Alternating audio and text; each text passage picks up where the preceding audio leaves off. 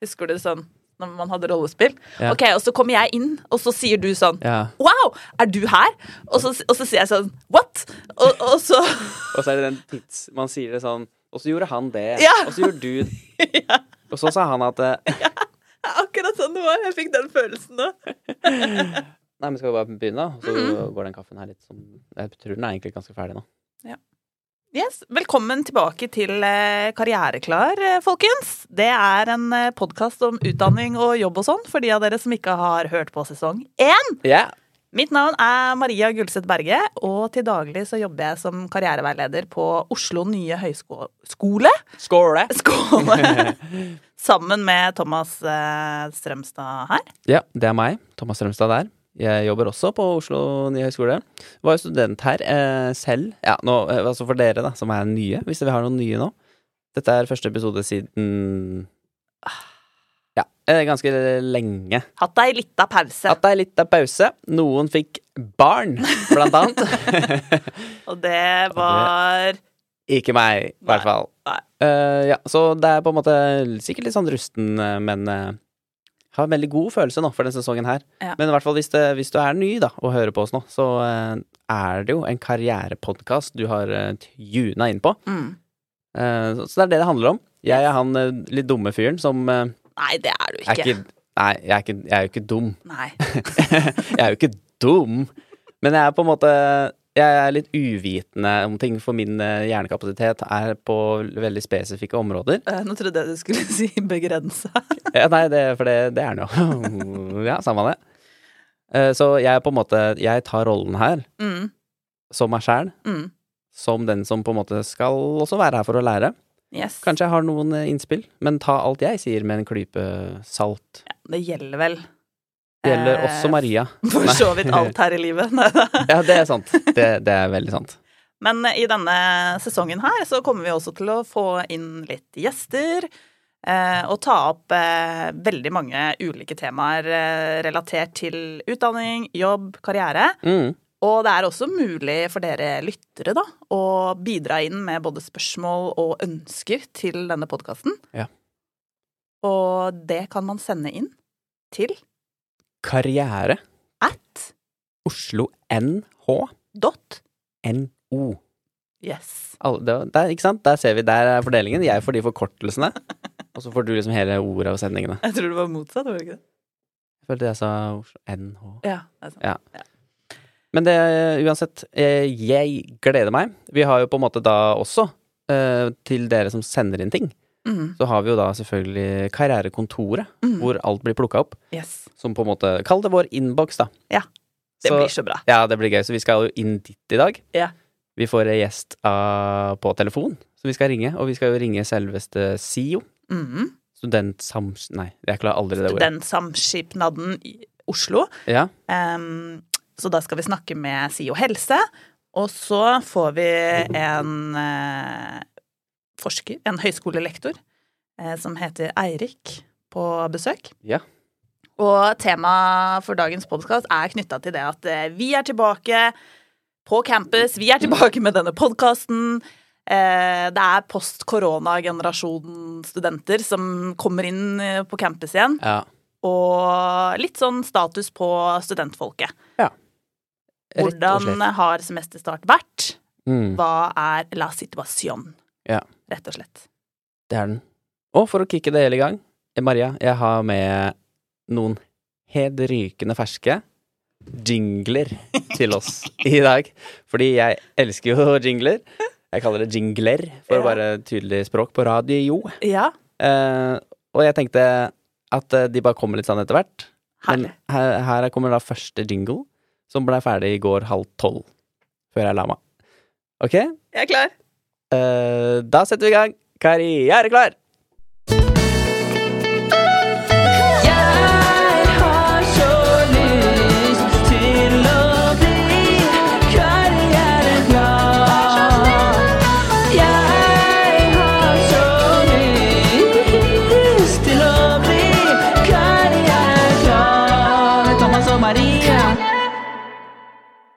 Altså, Yes. det er rå, Thomas. Takk skal du ha. Det, var, det er jo det er, det er noe som skjer sånn på kveldene. Ja. Eh, Og da, ja, da sitter jeg og koser meg. Og det Da blir det jingles. Da blir det ofte det. Men eh, for jeg skulle til å spørre deg hva er det du har drevet med siden sist. Da er det dette. Da er det jingles. Ja. Ja. Men går det bra ellers, eh, Thomas? Det noe, trenger vi noen oppdateringer fra deg for å um, Ja, ja, ja, ja, hva skal man si da? Eh, føler det blir så Skrytete. Men jeg har jo, det har jo gått ganske greit. Eh, jeg har fått en superkul mulighet. Ja. Utafor jobb, da. Utafor den jobben her. Ja. Som, ja, ja. Eh, og det er at jeg har begynt å jobbe litt mer i musikklivsbransjen, hvis man kan kalle det det. ja, gjenspeiler seg jo i jinglesen eh, Ja. Levert her, kanskje? Eh, kanskje. Jeg må i hvert fall uppe gamet lite grann. Oh, yes. Så det skal jo sies at eh, altså først og fremst innholdsprodusent, og så er jeg gitartech for Karpe. Det er så kult. Eh, det, ja, det syns Hva, jeg hva, hva, hva betyr egentlig å være gitartech? Ja. det, det er på en måte Egentlig jeg er innafor backline-verden, som det, det kalles. Og backline har alt med instrumenter okay. og ting som henger sammen med instrumentene å gjøre. Mm. Så på eh, For eksempel i Spektrum, da, så fikk jeg lov å være med. Det var liksom min første. Det var der det kicka av. Mm. Så snakk om å hoppe Shit. eh, fra det øverste bygningen, holdt jeg på å si, fra start. Eh, så det er jo bare Ja. Ja. Nei, det var, det var helt sykt. Men det, det handler om da instrumentene. Så det er meg og en til. Shout-out til eh, Ray. Mm. Norges Kanskje en av verdens Altså, bare for å skryte opp han litt, da. Eh, Dua Lipa ringer han. Sara Larsson reiser han rundt med. Eh, når Justin Bieber var i Trondheim, han var der. Ja da. Så jeg, det, han er legende av eh, Ja, av alle legender. Så supergøy. Så uh, ha ansvar for da instrumentene til Karpe-gjengen. Ja. Uh, og da under show så er det jeg som har ansvar for alle gitarene. Mm. Passe på at de er stemt, og at de kommer ut med riktig trådløse sendere til riktig tid i showet, da. Så du er tett på stjernene, Thomas? Eh, ja, er jo det. Ja. Og for en superhyggelig gjeng, da. Ja. Bare sånn, hvis folk tenker nå, er de egentlig sånn som de fremstår som? Og det er de. Oh. Bare helt sånn koselige. Man har lyst til å gi en klem til alle sammen. Eh, ja. Så det er i hvert fall en superkul mulighet som jeg har eh, det, det, Som det har blitt litt mer av det, da. ja, så kult. Ja, Og så er jeg gitarist for en som heter Erik Trylland. Da har jeg bare også kasta ut det. Shout-out til han. Og meg sjæl, da. ja, så det, det, det er gøy når man på en måte Ting man har brukt så mye tid på før, da. Ja. Når jeg var mindre og sånn. Så liksom når jeg sa nei til ting, til å bli med på ting, så har jeg Mm. brukt tida mi på sånne type ting, da. Sitte og enten nerde litt, eller bare ja, Så plutselig er det her blitt en del av din eh, karriere, egentlig, uten at det var eh, noe veldig sånn målretta Ja. Så, ja, samtidig så var det kanskje litt målretta, men, men jeg ante jo ikke hvordan. Nei, hvor det skulle ende. Ja. Så det var bare sånn, jeg har bare lagt inn sånne små ting hele tiden. Bare sånn, jeg Mm. har jo selvfølgelig lyst til å drive litt med gitar. Jeg har jo Mhm. lyst til å være med i den gjengen. Og plutselig så skjer det. Og Sakte, men sikkert da- åpner dørene seg, da. ja, det er det det gjør. Og da er det digg at man har uh, Så kommer forberedt, da. Mm. det er sånn, det er sånn Hvis jeg ikke hadde vært så forberedt, så hadde jo ikke det skjedd. Mm. På en måte. Eller hadde jeg fått en sånn mulighet, så bare sånn Ja, men jeg kan jo ikke det. Mm. Det er litt bare det å kaste seg ut i ting. Bare si litt ja. Bare være litt sånn kult, det gjør vi. Ja, du griper eh, sjansen når du får den, Ja. selv om det er dritskummelt. Ja. Det er, Ofte. Ofte. Mm. Ofte dritskummelt. Det tar oss jo kanskje litt inn på temaet i dag, egentlig. Mary. Ja. Um, vi eh, har jo litt sånn eh, fokus på eh, det å være tilbake på campus. og post, altså nå er det jo ikke digital undervisning lenger, med mindre man er en nettstudent. Eh, og skal på en måte komme i gang med den her studenttilværelsen. Mm. Uh, og det kan jo sitte litt langt inne, da, og kaste seg ut i alt hva det innebærer. Ja. Og det er litt det vi skal snakke om i dag. Ja. Og det er rett og slett fordi det har kommet en del nye undersøkelser Mm. uh, som viser at veldig mange studenter er ensomme og mm, sliter med sin psykiske helse mer enn noensinne. Mm. Og mm, det er jo litt eh, bekymringsfullt å høre, da. Og det vi ønsker å ha fokus på i denne podkastepisoden her, er jo litt sånn ok, hva, hva er eh, forklaringene på dette? Mm. Og hva kan man gjøre, da, for å få det bedre? Um, for de som har det skikkelig kjipt, så finnes det jo hjelpetilbud. Mens for andre som bare kjenner på panikken over å plutselig stå på egne ben, Mm. så er det masse alternative muligheter som man da, ref Thomas sin historie, rett og slett bare må gripe. Ja, Det er sant. Jeg kan jo også legge til at jeg har på en måte Nå føler jeg jeg stiller ganske bra i den akkurat den episoden her. For okay. nå har jeg, jeg har liksom begge sider av saken. Ok? Det at både nå, akkurat det siste, har gått bra, men Ja. rett før det, Ja. da var jeg ganske langt eh, nede selv. Ja. Og ved et eventuelt spørsmål Ja. Om eh, min psykiske helse, så hadde nok jeg svart ganske dårlig eh, på den, altså. Men nå går det bedre? Nå går det, nå går det mye bedre enn Mm. det det gjorde. Ja. Så det, det, det, løser seg, liksom, selv om man må stå i det. Eller sånt, det er jo lett for meg å si det nå, siden nå løste det seg, Ja. på en måte. Ja. Det er jo fortsatt ting, men Mm. eh, ja. Nei, jeg føler i hvert fall at jeg stiller som et eksempel her i dag, da. Ja, ikke sant? Ikke ekspert. Eksempel. Viktig å få fram. Uh, ja, for det er jo noe med den derre uh, livskvalitet kvali Det har Kvaliteten. blitt uh, Østfold-folling. Ja, Livskvaliteten til jo en- studenter. den er jo veldig viktig. Ja. Det. Vi eh, jobber jo på en høyskole, mm. og er jo opptatt av at våre studenter skal ha det bra. Mm. Og eh, studentsamskipnaden i Oslo er jo for eh, alle studenter som eh, er tilknytta SIO.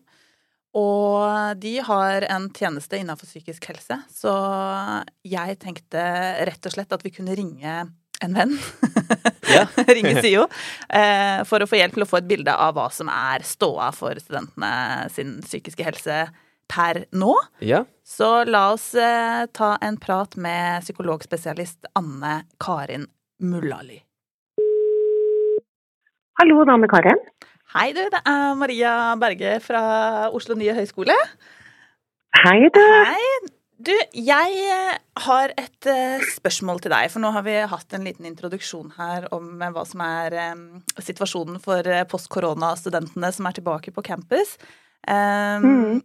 Og som leder da for SIO psykisk helse, så lurer jeg på om du kan gi oss en liten status på studentenes psykiske helse her i eh, Oslo? Ja. Eh, nå har vi jo, sånn som eh, vi snakket om litt, en, fått nettopp nye tall fra den nyeste SHoT-undersøkelsen som kom nå i 2022. Og det vi ser er jo at det har vært en langvarig trend hvor studenter har meldt om økende psykiske plager helt siden 2010 Ja. og frem til eh, 2022. Så det er en økende andel som rapporterer om psykiske plager.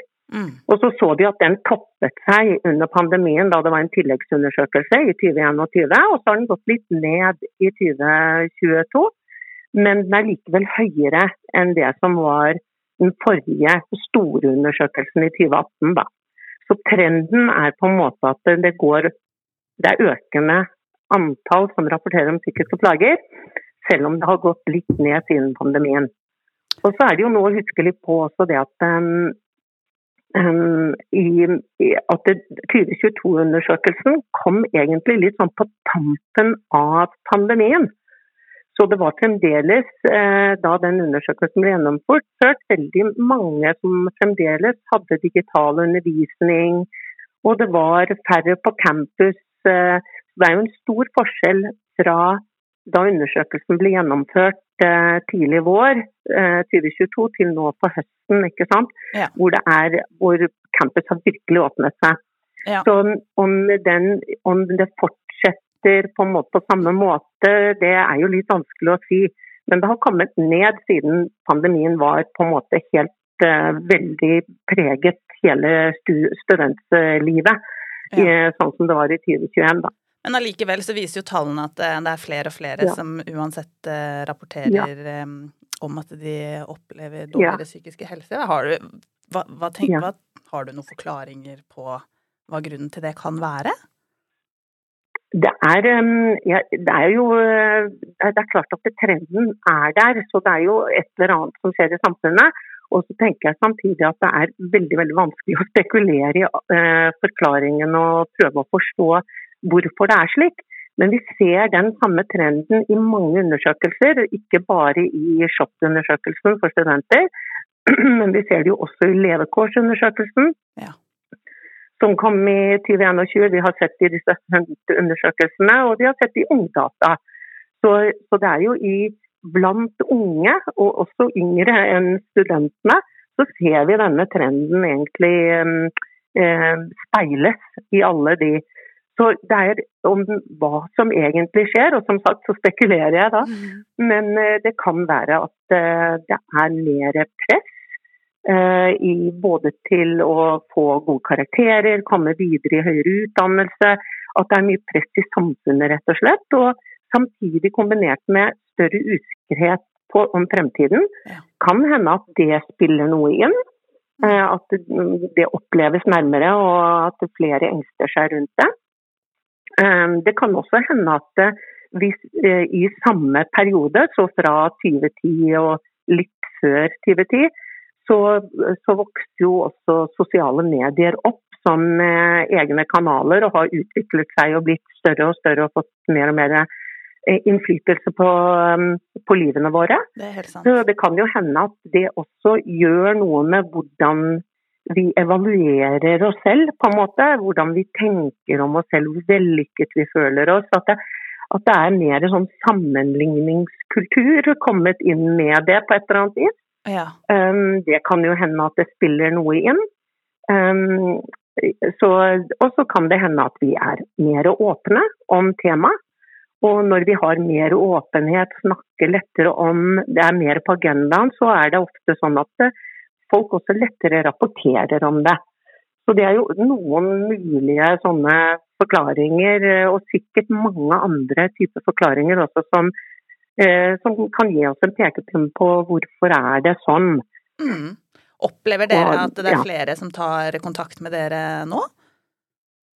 Vi har veldig stor pågang eh, eh, inn i våre avdelinger, både psykisk helse og rådgivning.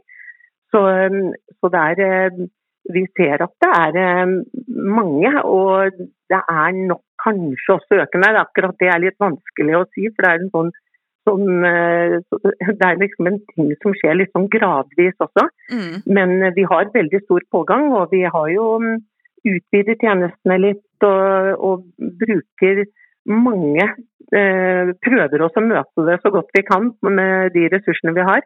Men hva er de vanlige Som det kan se økende ut. Ja. Mm. Hva er de vanligste årsakene, eller hva er liksom vanlige grunner til at studentene tar kontakt med, med deres rådgivningstjeneste? Hva er det de tar opp, liksom? Hva er utfordringene? Hva er det de tar opp, ja? Mm. Ja, eh, for jeg har tenkt det, I SIO så har vi som sagt altså, både rådgivningstjenesten og psykisk helsetjeneste er lavterskeltilbud. Eh, Det er helt gratis for studenter. Og det betyr at, eh, at Når jeg sier lavterskel, så betyr det at studentene henviser seg selv.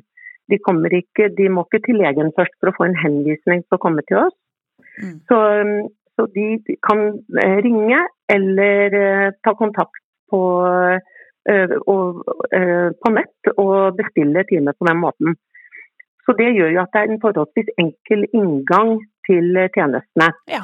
Og så har, tar vi inn da det studentene vanligvis kommer med, er eh, alt fra ganske enkle problemstillinger, som f.eks. at de ønsker råd rundt eh, hvordan gjør jeg med dette for å sikre meg lån, eller få sykepenger, eller håndtere forskjellige sånne rettighetsting. Mm. Eh, Men det kan også være ting som er veldig, veldig vonde, sånn som f.eks. kjærlighetssorg. Og så kan det være eh, mer eh, bekymring rundt eksamen, som vi ser i, tallene også er en økende eh, ting. At flere og flere studenter, eller flere studenter nå i 2022 rapporterer om store stor angst rundt eksamen. Ja. Um, så, så den typen ting har vi en del av. Søvnproblemer ser vi jo masse av. Og så er det eh, eh, også studenter som kommer mer for å, til psykisk helse for å på en måte få ter terapi eller behandling for et problem som sitter litt mer fast, da, kan du si. Og da er det oftere i en sånn angsttype eh, situasjon, f.eks. sosial angst Mm. eller panikk i ulike situasjoner kan være noe. eh, nedstemthet, eh, sliter med på en måte å, å få dagen til å gå, eller syns at alt er vanskelig og tungt og sånn, Mm. eh, til at man kanskje har opplevd noe som har vært traumatisk, og da får mer, en slags, eh, får mer behandling for det i et korttidsløp da, i Ja. psykisk helse. Ikke sant. Så egentlig så kan man ta kontakt med dere når det gjelder et bredt spekter av problemstillinger eller spørsmål eller Ja. situasjoner man står i. Det må ikke være Ja, absolutt. Det må ikke være kjempealvorlig, og det er eh, viktig å huske på. Samtidig så er det jo av og til at det kommer noen som virkelig sliter med mye. og Derfor har vi lagt opp sånn at vi ønsker å, å få sett studentene så fort som mulig. Så vi har noe som heter en behovssamtale. Mm. Så hvis de eh, eh, søker seg inn hos psykisk helse, så får de først en behovssamtale. og Den er det sånn at vi ønsker å få til veldig fort. da. Ja. For, nettopp fordi at det, trenger man en annen type hjelp enn det vi kan gi, så er det så viktig at de kommer seg dit så fort som mulig, og ikke blir sittende og vente hos oss. Ja. Og så skal vente da på kanskje noe i spesialisthelsetjenesten eller noe spesialisert løp på noen måte. da. Det er jo et eh, utrolig bra tilbud som eh, studentene våre har. Eh, Men Mm. du er jo psykologspesialist, så jeg lurte på om du kanskje hadde Mm. et litt sånt generelt råd som du kunne gi til de som syns at det kan være litt hva skal vi si, overveldende å komme tilbake på campus og skulle ta del i fellesskapet på nytt eh, etter korona? Ja, ikke sant. Det er og noe som, eh, som jeg ser at mange unge og nye studenter eh, altså det, det er en overgang i livet. Både det å bli student for første gang, komme seg inn i en, en helt ny situasjon. På en måte det å på alvor bli voksen, da. Mm. Um, så selv om man har mye øving på forskjellige ting, så plutselig så står man der og er litt eh, kan kjenne på at man blir litt alene i den situasjonen med å både skulle velge å spise sunt, eh, ha et ganske stramt budsjett, eh, klare å få betalt regninger, sortere studier eller um, det å gå og det, lesingen på en helt annen måte enn man har gjort på skolen før. ikke sant? Mm. Så det er en mye mindre oppfølging osv. Så, videre. så noe som jeg tenker er ganske lurt, det er også legge seg en plan for hvordan, hvordan har jeg lyst til å Når skal jeg lese, og når har jeg forelesninger, og når skal jeg ha fritid? Mm. Sånn at man har tid til også å slappe av og gjøre andre ting. Vi vet jo at det å være fysisk aktiv, gjøre ting som er gøy, bli med på en forening, det bidrar til bedre psykisk helse. Når vi har eh, gode relasjoner til andre og finner folk vi kan være sammen med og henge med, så bidrar det også til, eh, til at vi føler oss lettere. Eh, Så kanskje, særlig for de som er helt nye, Mm. Um, det å ha som mål at nå skal jeg få meg venner med en gang, kan kanskje være en litt høy terskel når man er helt i begynnelsen av en, en ny situasjon i livet. Ja. Så heller ha som mål å finne noen du kan henge med.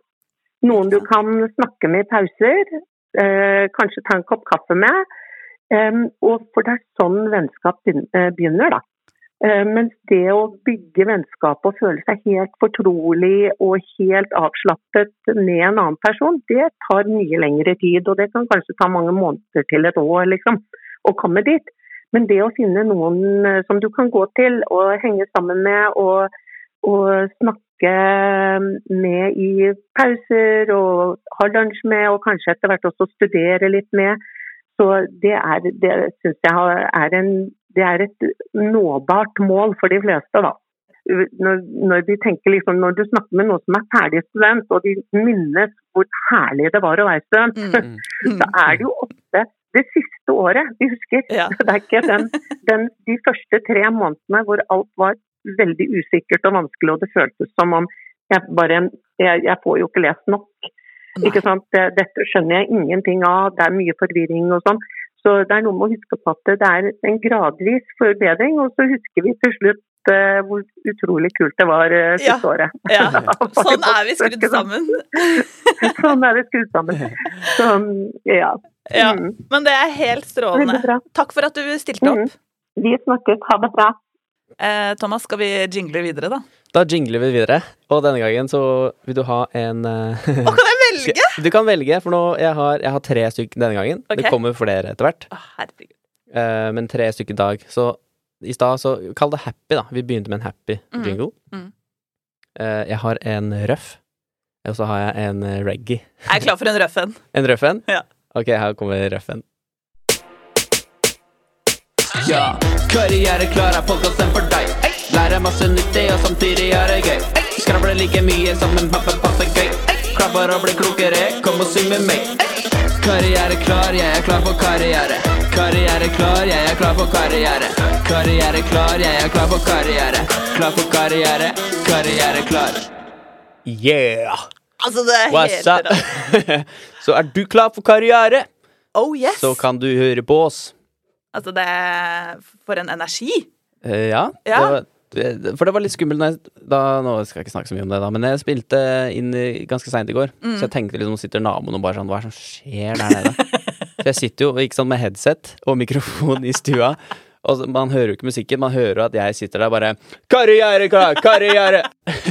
så da sto det jo eh, Ja, det var 20 tapte andre på telefonen min, og to på utsida som banka på og lurte på om de kunne komme inn. Men eh, resultatet ble bra. Eh, og jeg, den har jo en energi her, den eh, som vi kan ta med oss inn eh, i resten av podkasten. Fordi Ja. ting er at ståa kanskje er litt laber for en del studenter, og Mm. at det kan være en, en litt røff overgang. Både det å være ny student, men også å komme tilbake igjen til campus. Mm. Eh, at det handler kanskje da litt sånn om å eh, ta tak, eller initiativ, eller pushe, ha en sånn drive, da, litt sånn Ja, trøkk. Eh, sånn som den jingeren her. Mm, ja. Til å komme seg over eh, hva heter det, dørstokken. Ja, det vil jeg kalle det. Ja, For det er jo mye man kan gjøre for å få det bedre som student. Og jeg syns Anne Karin hadde et sykt godt poeng, Mm. nemlig at eh, bare gjør noe. Ikke sant? Bli med Ja. på noe. Ja. Og sånn som på Oslo nye høgskole, så har vi jo eh, masse forskjellige studentforeninger. Ja. Turgruppe osv. Eh, kanskje man bare skal bli med? Bare, bare dukke opp? Ja. I hvert fall altså turgruppa må jo være Det må jo være superdigg. Du skal ikke er, Du bare møter opp, går på tur, ferdig. Og så har noen lagt opp for deg. Ja. Du bare Ja, så deilig. Og så får du frisk luft, og så får du snakka med litt folk, og så har du en plan for dagen. Ja. Um, så det som jeg noen ganger på en måte kan oppleve eller erfare da, i samtaler med studenter, er jo at de på en måte tenker at det, skal, at det kommer til å kreve så innmari mye. Ja. eh, og at eh, man må være så på, og at det Altså, jeg har ikke kapasitet til å følge opp hvis jeg først blir med en studentforening, jeg har mer enn nok med det ene og det andre. Mm. Men det, det å på en måte bli med på noe, betyr ikke at du må gå all in, og at du er forplikta for eh, resten av livet og Nei. må ta på deg masse ansvar og ting og tang. Mm. Det er rett og slett bare for å bli med for å få det bedre Ja. i tilværelsen. Ja, det er jo super eh, Hvis man klarer Ja, for det er liksom bare, bare det å Man må liksom bare psyke seg opp til å bare gjøre det. Dukke opp. Ja. Og så er det selvfølgelig lett å si. Det er jo lett å si. Det er jo, jeg sier jo det samme å, jeg skal trene i dag. Så Ja. kommer jeg hjem etter jobb, og så bare sånn Jeg må jo bare gjøre, jeg må bare gjøre det. Ja. Men så er det noe eh, Det har jeg forresten lyst til å spørre Eirik om. Ja. Eh, fordi han kan veldig mye om det der. Mm. Men eh, i hvert fall min erfaring er at den følelsen etter man har gjort det, Mm. når man faktisk bare Jeg er så glad jeg bare gjorde det. Mhm. Kommer hjem og bare sånn Ok, jeg har gjort det. Det er fortsatt litt tid igjen av kvelden. Eh, For det er det jo, mest sannsynlig. Mm. Det kommer jo selvfølgelig an på, da. Men den, den følelsen er i hvert fall veldig god. Ja, den er det. Og så tenker jeg sånn at eh, ok, greit, og så eh, Kanskje man ikke trenger å tenke så langt frem i tid. Mm. At det er mer sånn OK, nå gjør jeg dette nå, og så koser jeg meg den timen på tur, eller koser meg med å være med på det arrangementet som høyskolen har på loftet. Ja. Og så er jeg på en måte sammen med noen om noe, Mm. deler noe med noen, Ja. og det er forventningene.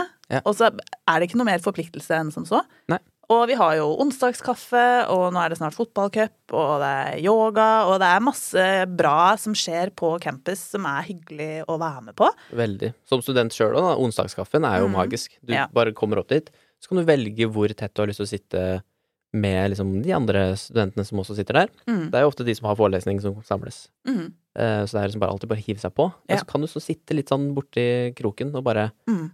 få litt inntrykk. Og Det syns jeg var digg, da.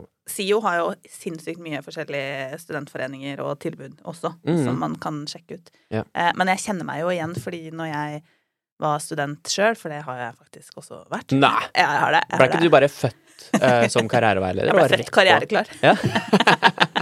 Rett på jobb. Der noen ble født med ski på beina, noen med tennisracket i hånda. Men eh, Maria hun ble født med Hva blir man da? Med eh, holdt jeg på å si briller og skriveblokk, men det Jeg vet veldig ikke. Ja. Uh, men jeg ble født uh, ikke karriereklar, og jeg som student syns uh, Altså, jeg husker sjøl Ja. den derre Det hjertebanket Sorry, nå svelger jeg i veldig i mikrofonen. Thomas har laga dritdigg kaffe til oss. Han har kverna Han har kverna bønner. og Ja, trekke i kaffe, er det det det heter? Ja. Eh, mens vi har spilt inn her, og den var altså sjukt digg, den kaffen. Eh, takk. Jeg syns Altså, det, det er noen ting som bare Hvis jeg skal ha kaffe og ja det, det er så kjipt når den skal være kjip. Ja. Det er liksom Kom er igjen, si det! Si Det er det! digg med ting som er digg! Oh yes. Oh yes. Motto. Ja. Jeg skal lage T-skjorte. Si fra hvis dere er gira, så lager vi merge. Eh, Det gjør vi jo, selvfølgelig. det er digg med ting som er digg. Ja. Apropos Jeg kan ta det seinere. Ja. Eller skal jeg ta det nå? Jeg tar det seinere. Ta ta det når du vil, men eh, det jeg eh, på en måte snakka om, var det at jeg kunne kjenne meg igjen, i hvert fall, i det derre Mm. å ha litt noia før man skal gjøre noe, og Mm. møte noen som man aldri har gjort før, eller aldri har møtt før. Eh, og den der kaldsvettinga og hjertebanken, og jeg, jeg har liksom Jeg kjenner det så godt i kroppen den der når jeg sto og sminka meg på hybelen i Trondheim før jeg skulle dra på min første lokallagsmøte Ja. med eh, SIH, som jeg da blei engasjert i. SIH. Blant mye annet rart som jeg også til slutt da Altså når jeg først ble bitt av basillen eh, Ja. Var det student... Studentenes og akademikernes internasjonale hjelpefond. Eh, Ah, ja, et veldig enkelt eh, og kort du mener vel Studentenes internasjonale hjelpefond? Ja da. Nei, men det var dritgøy. Det, Ja. eh, altså sånn, det var jo bare tre stykker som var med i det lokallaget, så det var jo veldig easy-peasy. Eh, det som blei ikke like easy-peasy, var at jeg da på en måte veldig fort blei leder, fordi Mm. oh, ja. Ja, det bare blei sånn. Eh, For du ble født sånn? men da, ble det, da kunne jeg jo forme det lokallaget akkurat som jeg ville, så plutselig var vi 30 stykker, og det var bare full kjør og bånn gass og kjempegøy. Ja, Eh, men Nice. det krevde sitt, og jeg måtte jeg ha mot. Ja. Eh, jeg var nervøs ekstremt mye Mm. det året i Trondheim, før jeg på en måte landa i roller og tilværelsen og i meg sjøl. Ja. Eh, vet ikke om du kjenner deg igjen i det? Eh, jo, jeg kjenner jo altså, Det er mange følelser jeg kan liksom sammenligne med den. Mm. Og, altså bare det jobbintervjuet, liksom. Mm. Bare den, den grusa biten. Eller bare sånn man skal eh, ta Man skal fly et sted. Mm. Ikke at man, man skal helst ikke fly så mye, men når man flyr, de få gangene man gjør det, så eh, har det den følelsen bare sånn at eh, Jeg er nesten nærmest bare for, å, bare for å rekke det i det hele tatt. Yeah. Og så er det for å møte folk. Det, eh, det lurte jeg litt på. Hvor går liksom grensa? På en måte, Syns du det er lettere hvis du skal møte sånn som tre stykker, da? Mm. Eller om du kommer inn et sted, og så er det 30 stykker der? Jeg syns det er lettere når det er få. Ja. Mm. For da er jeg føler jeg at jeg på en måte lettere kan høre til i gjengen. Ja. Mens hvis man er Ja. 30, da, så er det på en måte sånn Å ja, dere er, det spiller ikke noen rolle om jeg er med, på en Mm. måte. For dere er jo så mange allerede. Så det er lurt å hive seg på ganske tidlig, da. ja, det kan du si. Men det er jo ikke noe sånn at eh, man hadde blitt Altså hvis det er en forening som har 30 stykker, så blir man jo ikke mindre inkludert, men det kan hende at, det har, at den følelsen er litt mer sånn stressa Ja. når man kommer inn i det rommet, og det er 30 stykker som bare hei, hei. Det er sant, da. Mm. Så hvis, ja, ikke sant. For hvis jeg skulle vært med i den turgruppa, da hadde jeg kanskje sjekka hvor mange det var. Og så hadde jeg liksom tatt kontakt med en eller to, så, og så bare, eller fått med en eller to fra, liksom, Ja. fra onsdagskaffen. og så møtte de sammen. Men jeg hadde jo fortsatt kjent på den følelsen. Jeg Ja. Men jeg tenker, herregud, det å være student er jo en fantastisk læringsarena. Ja! Ja, men det er det. Fordi eh, jeg bare kom på det nå, at eh, liksom, man, man skal inn i nye jobber, og man skal flytte, og man skal inn nye Ja. steder. Og det derre Det å erfare at man er helt ny, man er stressa, Mm. man veit liksom ikke helt opp ned og hvordan ting blir, og man må bare kaste seg ut i det, Ja. det kommer man jo til å gjøre så mange ganger eh, i løpet av livet sitt. Ja. Så selvfølgelig er det dritstress de første gangene, og så Mm. blir det jo på en måte lettere for hver gang. Og når man da skal begynne i den der første jobben, eller ta den der sommerjobben eller internship, eller Mm. eh, flytte til en ny by for å studere Ja. eh, på utveksling, eller hva det måtte være, Mm. så er det kanskje liksom litt lettere, for man har øvd seg. Det er sant. Det er jo en litt Og- sånn øvelsesak. Det er jo den erfaringsbiten eh, som sikkert også Eirik kan si mer om, men den, den biten med eh, å tilegne deg en erfaring. Ja. Sånn du, du vet hvilken følelse du går til, Mm. og du vet at den har jeg overlevd før. Mm. Den har jeg, det takla jeg. Mm. Så da vet, da vet du det. Så hvis du klarer å liksom snu tilbake og hente igjen den samme følelsen fra når du møtte opp på, i åttende klasse fordi du skulle bytte til ungdomsskolen fra Ja. barneskolen, Ja. eller ny videregående, den, den samme følelsen, og du vet at det tok bare en uke, og så var det helt greit. Eller det tok en time, så var det greit. Og så er det jo fort gjort at man sammenligner seg med alle andre, og de virker så selvsikre, og de ser så kule ut, og Ja. det ser ut som de ah, på en måte var født karriereklare. Nei da. sånn som deg. Men inni så er inni, Du veit jo ikke åssen det ser ut inni de, for å si det sånn. Det er sant. Eh, ja, det er jo noe med at man er sykt stressa inni seg, og så kan man ta på et skjold og et skall og Mm.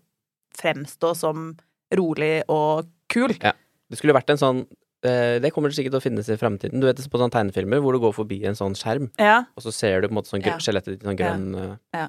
En sånn, og så ser du liksom bare eh, masse sommerfugler og det klikker. ja. Det er sånn Det var interessant å se. skulle holde liksom de første ta, altså, tale på talestoler og sånn, Ja. sånn når man var med i sånn studentpolitikk og sånn, Ja. I politikk. i politikken, ja. Og så jeg bare husker sånn at det var sånn ut av seg sjæl-opplevelse. Jeg sto på den talestolen Mm. og prata, og det hørtes liksom veldig sånn vermformulert ut og bra argumentasjon og sånn. Ja. Og inni meg så følte jeg at jeg på en måte hadde en sånn eh, svær viftekanon på en måte inn i kjeften som bare? Alt bare rister. Ja. Eh, ikke sant? Og jeg hørte ikke Løvblåser, liksom. Ja, løvblåser. Ja. det var faen meg løvblåser i kjeften. Eh, og jeg hørte ikke meg sjøl, og på en måte alt jeg egentlig hadde tenkt, ble bare kasta rundt oppi hodet og sånn. Mm. Åh, Men- den følelsen. Uten Altså, etterpå så var det sånn Sjukt bra, Maria. Herregud, så bra argumentasjon. Og jeg bare Ja. huska ikke hva jeg hadde sagt. Du vaska gulvet med trynet. Maria, det var dritbra. Men inni meg Ja. så var det jo ikke bra. Nei. Jeg var jo et aspeløv, for å dra den eh, videre løvblåseren Ja. Videre. Asperger er en tre, Ja. som du er finner i so- eh, Sortland. Ja. Og, så jeg hadde det ikke bra. Nei. Nei, den ser jeg. Men den følelsen der kan jeg også kjenne igjen. Hvor du bare sånn «Ah, Hva er det som skjer her nå? Mm. Hvor du bare sånn Du må på en måte bare snu deg rundt to sekunder og bare få blåst ut Bare sånn Restarta hjernen litt. Mm. Hadde en kjip opplevelse med det på en muntlig eksamen en gang. Hvor jeg bare sånn Jeg hadde feil kort. Jeg hadde uh, gjort feil Mm. med For jeg hadde sånne kort, for jeg, jeg er jo en sånn fyr. så jeg hadde sånn programlederkort på eksamen. ja, så hadde jeg i hvert fall uh, Og mikrofon. og mikrofon. jeg lata som jeg hadde mygg. Sånn mygg her, ja. Og så hadde jeg tatt feil rekkefølge på det, så jeg begynte jo oh, på liksom kort to, og jeg bare Hva er det som skjer? Og den følelsen jeg hadde der, var helt grusom. Det var en kortslutning. Det var en kortslutning. Og så bare sånn Å ja. Og så bare sånn Ok, sorry, jeg må bare Og de bare Ja, ja, ja. Og så gikk det greit. Ja. Og da, men etterpå der så tenkte jeg liksom det her er det verste som noen gang har skjedd. Mm. Og det var det heldigvis ikke. Og de også bare Superbra, du burde jo prate med foran Ja. folk. Og jeg bare Takk. Ja. Og derfor har vi podkast nå, da. Ja. Fordi det Ja. ja. Men folk er jo empatiske og greie, så, så hvis man kommer stotrende inn i en forsamling og rødmer og bare er skjelver på hånda og Mm. sier feil navn Altså, folk bryr seg ikke, for man har jo empati med Ja. andre. Det er jo ikke sånn at man begynner å le høyt og bare Nei, det er Det det. begynte på kort to! Og hvis det er sånn, så da trenger man ikke å hinte. Man trenger ikke å bli venn med de. Nei. Det må være lov å si. Men nå er det jo sånn at det er... eh, fyller seg opp en del spørsmål til Eirik, og vi babler videre og sånn. Og grunnen til at eh, vi gjør det, er fordi Eirik har forsovet seg. så jeg på det, det var så digg at det var han altså, Nå kjenner jo jeg også Eirik godt fra før. Eh, digg at det var han sin tur nå. Ja. Det, det kan være meg, for nå Det er jo ikke noe hemmelighet at vi spiller jo litt inn Altså i min verden tidlig. Mm. Ja. Det er jo tidlig for meg òg. Ja. Og da, da skjønner jeg det så godt. Mm. Så jeg bare sånn, jeg skrev bare null stress. Ja. Jeg hadde lyst til å skrive Sov godt. Digg det var deg. og ikke meg. Ja. Men jeg ja, så skjønner du så godt. Men ja, han er jo på vei nå, fikk jeg melding om. Ja. Sitter i bilen. ja. Men skal vi kjøre en uh, jingle-lingle mens vi venter, eller? Skal vi kjøre en jingle? Da har vi den, det, da har jeg den tredje og siste for det, denne episoden, i hvert fall. Okay. Og det er en eh, reggae-versjon. Ah. Den går sånn her. Thomas og Maria sitter her og snakker greier. Prøver å hjelpe til på livets vanskelige veier. Husk at det finnes kun én vei til seier. Ta ansvar for deg selv, så sitter vi og heier. Sitter og heier på deg. Åh. Sitter og heier på din karriere. Sitter og heier på deg. Åh. Karriereklar. Yeah? Altså, this is my favorite. Å ja. Ja. ja. Det er hyggelig. Men det mistenkte jeg litt. Ja. Det er jo for det første veldig sånn riktig. Vi sitter her og prater om greier. Og, Ja, ja. og grunnen til at vi gjør det, er jo fordi vi heier på lytterne våre og vil at eh, de skal få liksom litt inspirasjon og input og normalisere Mm. utfordringer og, og sånt som man står i. Ja. ja, for jeg føler det er en sånn vinn-vinn-podkast. Vi to har det kjempegøy. Ja. Og Eirik kommer til å få det kjempegøy. Sio hadde det gøy. Og eh, det er masse vinn-vinn-vinn her. Ja. Og vi kan samtidig føle at vi kan eh, i hvert fall bidra, kanskje, Ja. på ja, hjelpe de som Og deg, da. Mm. Deg. Mm. Radiospråk. Ja. Hjelpe deg Mm. som hører på, til å Hjelpe uh, lytteren. til å Nei, kanskje, og så ja, er det jo noe med den sjangeren. da. Reggae er jo helt nydelig. Jeg har jo bodd eh, tre år i Latin-Amerika og regga meg gjennom ungdomstida mi. så det er helt uh, my cup of tea og coffee. Coffee. Yes. Yes. Vi må kanskje hente en kopp til Eirik. Er han Hører- eh, på Nå vei? er han her faktisk eh, Kanskje jeg bare henter han, og så tar vi det derfra? Herlig. Ok, da bare Da får det sånn litt sånn Da, da Jeg trenger ikke å si det engang, men nå, nå, nå klipper vi, og så er vi tilbake om eh, eh, 0,5 sekunder. og der var Eirik. Oi, nå ropte jeg det høyt inni. ja, men sånn er det. Det er eh, live. Nei, Ja. nå ljuger jeg. Men vi sitter jo her i live, ekte livet. Ja. ja. Du lever, eh, Eirik. Ja, så vidt. Ja. Jeg kom meg opp til slutt. Ja. Eh, Forelesere kan også forstå seg. ja, sånn er det. Velkommen til podkasten vår. Tusen hjertelig takk. Nå har du fått eh, nykverna kaffe. Å ja. Eh, er du våken? Eh, kaffen var livsnødvendig, kjente jeg. Uh, men uh, forholdsvis våken. Jeg er ikke med noen notater, ingenting, så jeg håper dere er godt forberedt på Ja, altså vi er jo som et slags lite råd her, som skal prøve å drøfte, mm, drøfte litt. Ja. Belyse den tematikken som vi har tatt for oss i dag. Og mm, det handler jo om på en måte Vi har snakka litt om det der at det er vanskelig å kanskje gå ut av komfortsonen. At det er ubehagelig å eh, gjøre noe som man ikke har gjort før, og møte folk man ikke har møtt før. Mm. Eh, og hva er det som gjør at man på en måte har denne her sperren, at det er uoverkommelig? Eh, hvor er det man kan hente motivasjon for å gjøre noe med det, da, for å få det bra? Ja. Fordi som eh, vår psykologspesialist sa, så er det nettopp det å gjøre noe som bidrar til at man bygger et fellesskap, og man Mm. får redusert ensomhet. Da.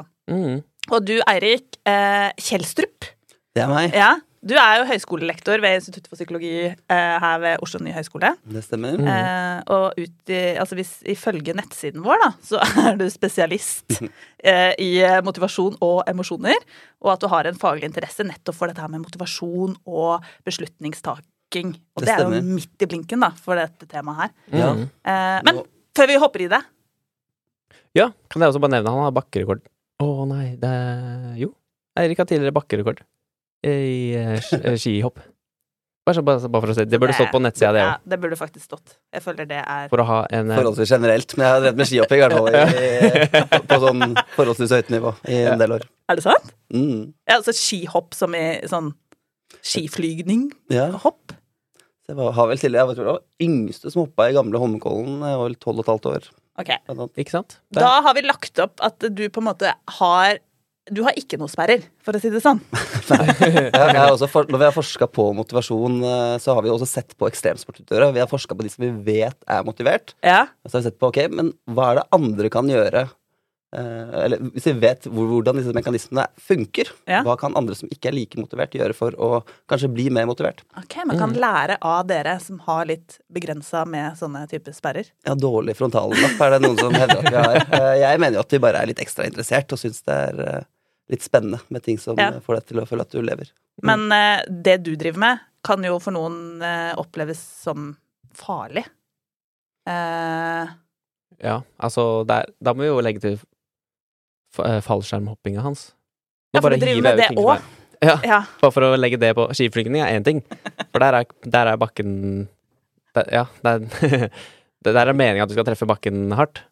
Men i fallskjermhopp, der eh, Hvis du gjør det der, da går det jo på en måte ikke så bra. Det er jo objektivt sett ganske ufarlig, da. Så man må jo liksom bare lure seg selv til å tenke at det her, det kommer man gjennom så lenge man stoler på seg selv og, og gjør de tingene man skal. Ja, og det er jo litt sånn som her sitter vi og sier til folk eh, som hører på denne podkasten at ja, men eh, det er bare å møte opp, det er bare å gjøre det. Mm. Eh, ikke sant? Det er ikke farlig, fordi objektivt sett så tenker vi at nei, men det er ikke farlig å bare møte opp på en studentforening og si hei, hallo, kan jeg være med? Mm. Men eh, ja, det er jo ikke nødvendigvis sånn eh, man tenker, da, hvis man syns det er Altså, man må jo tenke at eh, det er sånn klassisk psykologi Jeg vet ikke hvor forskninga eller hvor tallene kommer fra. Man Mm. sier at man liksom har de klassiske fryktene. Liksom, man er redd for høyde, man er redd for slanger, edderkopper, den type ting. Og Mm. på femteplass rundt der så kommer frykten for å prate foran folk. Ja. Altså liksom sosial, altså, sosial ydmykelse. Den står så sterkt i oss, da.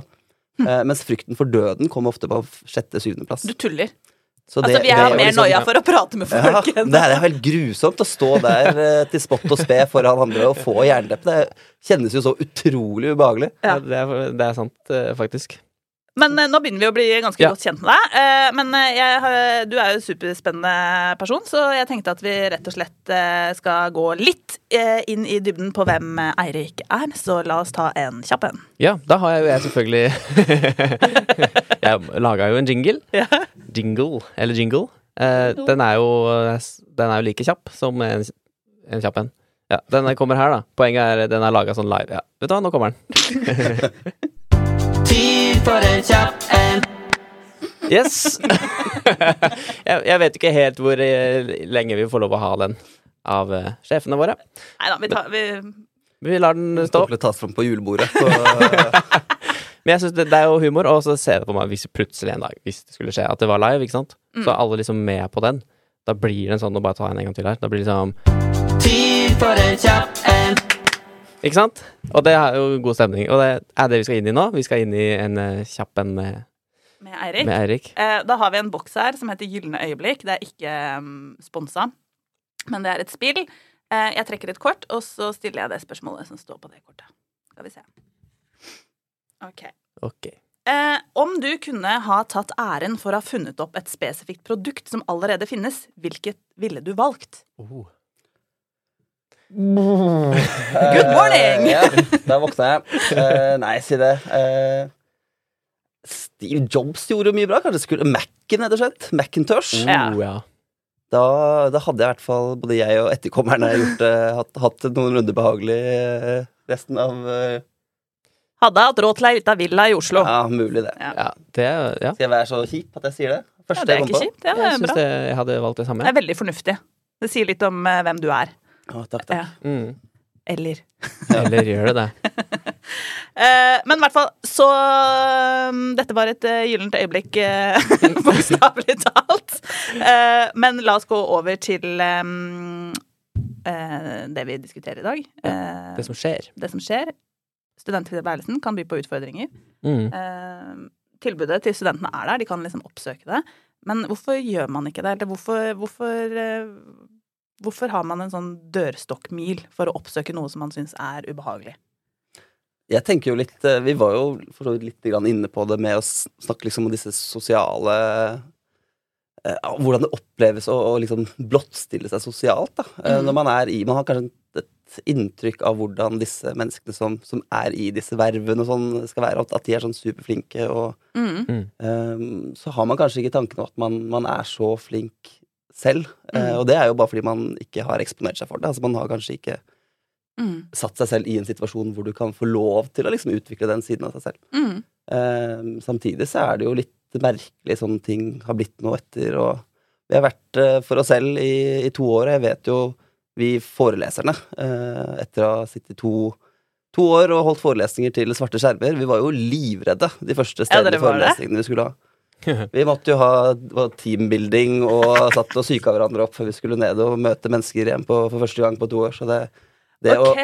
det er ikke unormalt. Så det er ikke bare studentene som eh, har eh, litt noia om dagen med å Nei, møte- det her, møte opp? det her går igjen hos eh, både lekmenn og fagfolk. Ja. Eh, og er, i kompisgjengen min så er det jo mennesker som er hypersosiale, som plutselig har liksom vist tendenser til sosial angst og gruer seg til å Om det er å dra på en fest eller et bryllup eller eh, Mm. Så det, det er, er ikke noe eh, kun for studentene der.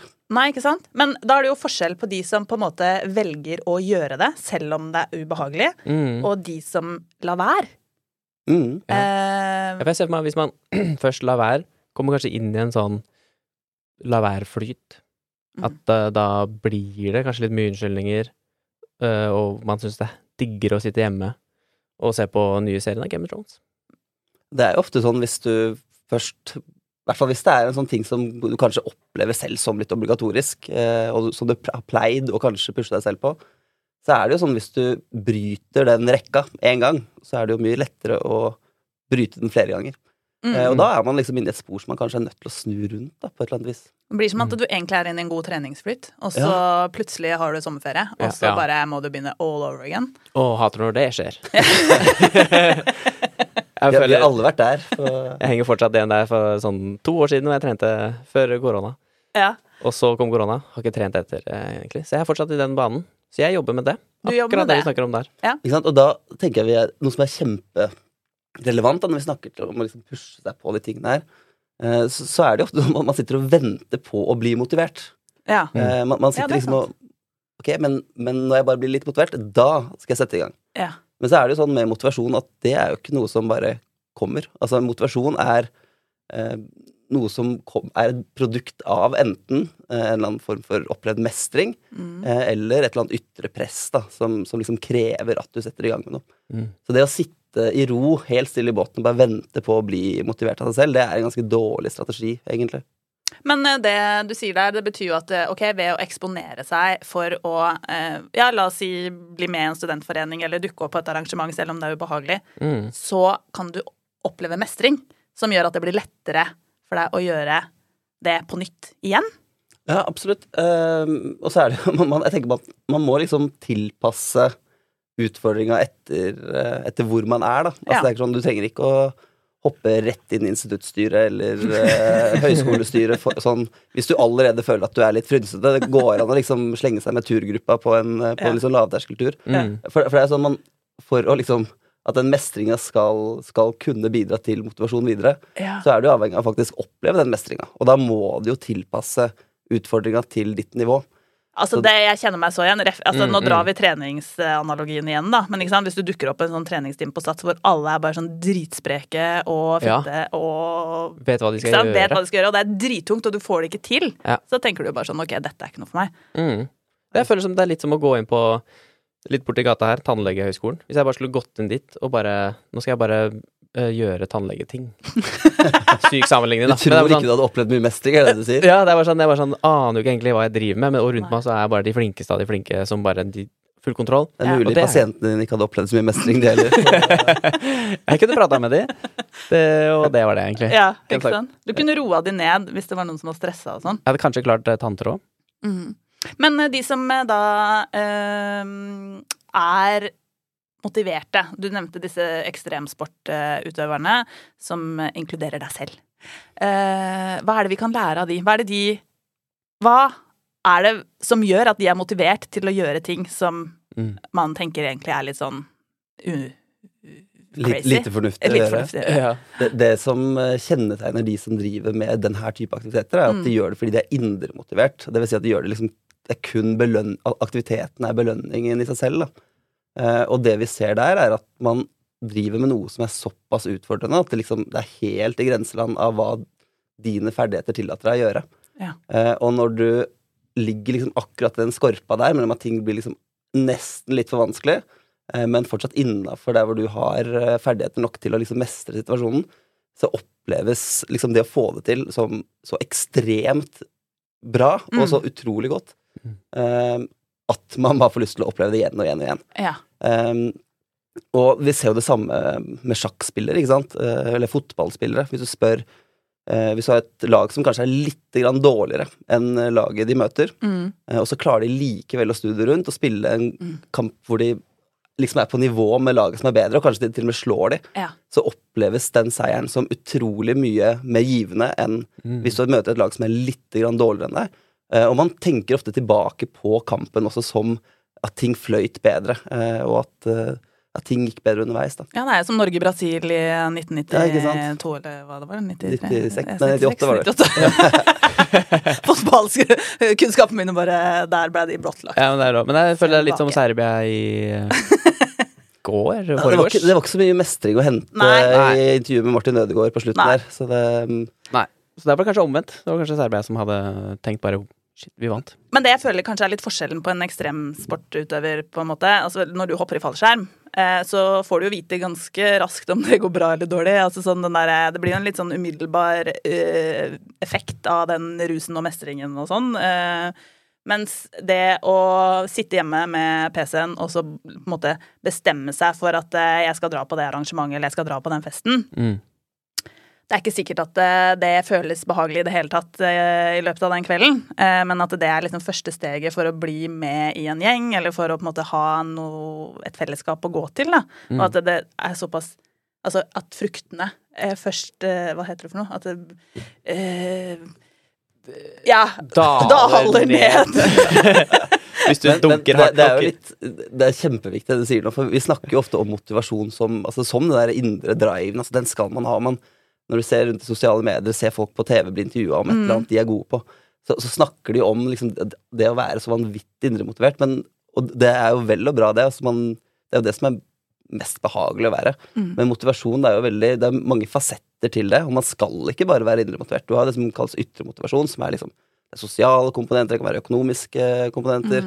Masse annet som spiller inn, og vi er jo helt avhengig av å, å, å være liksom ytremotivert òg. Og i en sånn skolesetting så er det jo ofte der man starter. Ja. Eh, og sånn som vi snakker om nå, hvis det handler om å engasjere seg i studentmiljøet, så, så vil det jo være liksom den sosiale komponenten som, som kanskje trekker eh, ja, i første omgang, og så vil det jo være, kanskje være med indre ting som liksom, selvutvikling og den type ting som du får igjen av det, som kommer på lang sikt. Da. Ja, og det tror jeg på en måte var et godt poeng som uh, SIO hadde her, at uh, vi som har vært studenter, og som har vært engasjerte, vi snakker jo på en måte om den tilværelsen som den beste tiden ever. Eh, og det vi glemmer, er at kanskje i starten så var vi ikke så indre motiverte for å være med på alt og, og på en måte ta det eh, vervet eller på en måte engasjere seg såpass mye. At den indre motivasjonen kommer jo etter hvert. Eh, og at det handler mer om å, å pushe seg til å eh, Ja, altså det er rett og slett bare sånn objektivt eh, fornuftig sett så må Ja. jeg dukke opp her. Ja. Fordi på sikt så viser forskning også at eh, det kommer til å bli bra. Man må liksom lage seg Kan man si at man må, burde da la- lage seg noen erfaringer? Hvis ikke du vet hvordan det egentlig er, så, så klarer du ikke helt å liksom psyke deg opp til å gjøre det. Nå tenker jeg litt sånn for eksempel når jeg gikk på videregående og fikk hele tida kasta på meg bare sånn Nei, du må gjøre en innsats nå, for hvis ikke så kommer du å angre senere. Og det, sånn, det sa jo ikke meg noen ting, fordi jeg ikke hadde erfart det sjøl. Jeg aner jo ikke Folk kunne prøve å forklare meg hvordan det kunne være. Null erfaring på det sjøl, Mm. men så skjønte jeg i etterkant at ja, jeg skjønner jo hva de mener. Mm. Eh, så en sånn type lag, bare si Prøv å bare si ja, prøv å erfare det én gang, og så heller gjør det for erfaringens del det, Mm. og neste gang da så vet du litt hva du kommer til, i hvert fall. Eh, nå bare Og så går det an å bare bestemme seg for å vet du, hva, Nå skal jeg være litt mer ja-menneske. Nå skal jeg, altså sånn Ja. Uavhengig av hva som, eh, hva som eh, kommer til meg nå. Altså Mm. Nå er jeg nede i en liten bølgedal. Nå skal jeg være mer ja-menneske. Og, og liksom sette den regelen for seg selv. mm, Eh, og så kan du heller tillate deg selv Hvis ting ikke er noe gøy, hvis det er ubehagelig, så trenger du ikke gjøre det flere ganger. Men da har du i hvert fall prøvd. Mm. Eh, jeg vet om venninner som har fått seg Som har møkk lei datinglivet, som har fått seg, kjæreste på den måten. Var sånn ble invitert ut på en date, hadde ikke lyst, men hadde bare bestemt seg for at nei, jeg har sagt at jeg skal være litt mer eh, Ja. mm. ja-menneske, og så har det liksom ordna seg. Og samme for min del også, sånn i eh, de studentvervene jeg endte opp i. Mm. Jeg var ikke interessert i det hele tatt. Nei. Jeg hadde en venninne som gikk profesjonsstudiet, som satt i programstyret på instituttet. Mm. Eh, og så mangla de noen på, fra bachelor. Eh, jeg var den eneste hun kjente på bachelor, så da meldte hun meg på uten å spørre meg først. Og Ja. så begynte ballen liksom å trille derfra. Ja. Så det, men det så er jo Da må man si ja, da. Ja. er litt eh, åpen. Men uh, når du da på en måte kjenner på Du har egentlig bestemt deg for å si ja uh, til ting, og så blir du invitert med, eller du på en måte skal ta og gjøre det du har satt deg i fore for å gjøre, Mm. Og så kommer disse ubehagelige følelsene. Ja. Panikken kommer, og du bare Åh, det hadde Mm. vært så mye mer behagelig å bare ligge her og se på en serie og spise potetgull Mm. og slappe av enn å dra og møte de folka. Ja. Hva gjør man da, når man har den derre djevelen på skulderen som bare drar deg vekk fra det du egentlig har bestemt deg for å gjøre? Nå er ikke jeg noen noen kliniker her, for jeg har fått med dere en, eh, Mm. en forsker og metode- og statistikkfyr inne i studio her. Eh, men, men, Samme her, jeg er heller ikke Bare sånn at dere vet det. Men det, det som eh, ofte er veldig lurt, er jo liksom bare å, å prøve å kjenne litt etter da, i situasjonen. Altså, for det, det som skjer, er jo en, en kroppslig reaksjon. Eh, ofte på et eller annet eh, som stresser deg. Da. Mm. Eh, og det som skjer i, i kroppen da, er liksom at musklene, nei, blodet pumpes ut i de store muskelgruppene. Fordøyelsen stopper opp. Altså Hvis du er veldig stressa over tid, så, Mm. så sliter man jo ofte med fordøyelsen. Eh, og, og det er ganske ubehagelig å få en sånn reaksjon når kroppen ikke er i en situasjon hvor det egentlig lønner seg å bli, Mm. bli redd. For det er jo ofte en sånn Eller det, det er jo en fryktrespons. Altså det, det er det samme som skjer i kroppen, som skjer når man er redd. Ja. Eh, bare at du er i en situasjon hvor det ikke er så veldig fornuftig å være redd. Mm. Eh, Og det å klare å ta kontroll over den situasjonen og prøve liksom å rasjonalisere litt grann rundt hva det er som skjer, da. Mm. Eh, Bli litt bevisst på ok, men hva, hva, er det fakt hva, er- hva er det verste som kan skje nå? Ja, det syns jeg er et godt spørsmål å stille seg. Mm. Hva er det verste som kan skje? Og la oss si at jeg prøver. Har jeg liksom en retrettmulighet hvis jeg først Altså, hvordan kan jeg trekke meg ut av situasjonen hvis det liksom blir overveldende for meg? Mm. Eh, Hvis du har en sånn en strategi som sier jeg skal prøve, men når jeg har prøvd, så går det greit å trekke seg. Mm. Kan, er det Jeg bare kaster et eksempel her nå. Eh, hvis man da er på date, og så har man avtalt med noen, bare sånn Ring og si at du er på sykehuset. Kjempeforslag. Ja. Akkurat det hun venninnen min gjorde også, Ja, ja. På, på den daten som endte med å bli, eh, bli livet ut. Ja, ja. ja, å ja.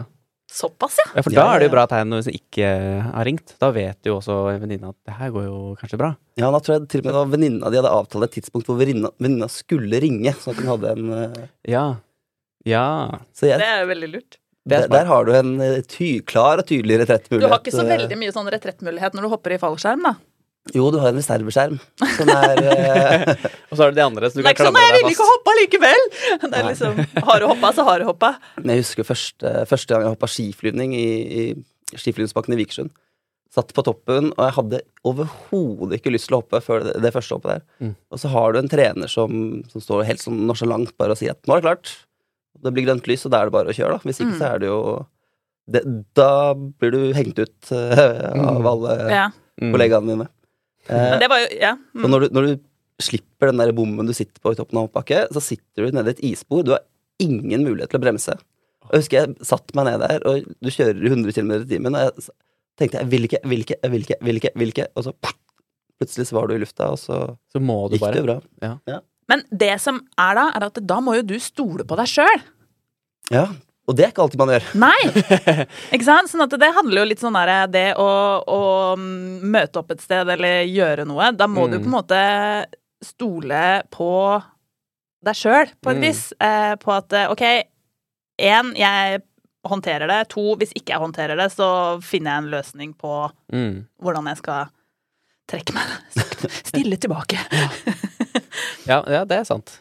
Men, men ofte så handler det jo om liksom, det ønsket om å være liksom, overmenneskelig god da, eh, i ting. Mm. og jeg tror vel, litt sånn som vi snakka om, liksom, at du er nødt til å sette utfordringa, uh, tilpasse den til liksom, ditt nivå.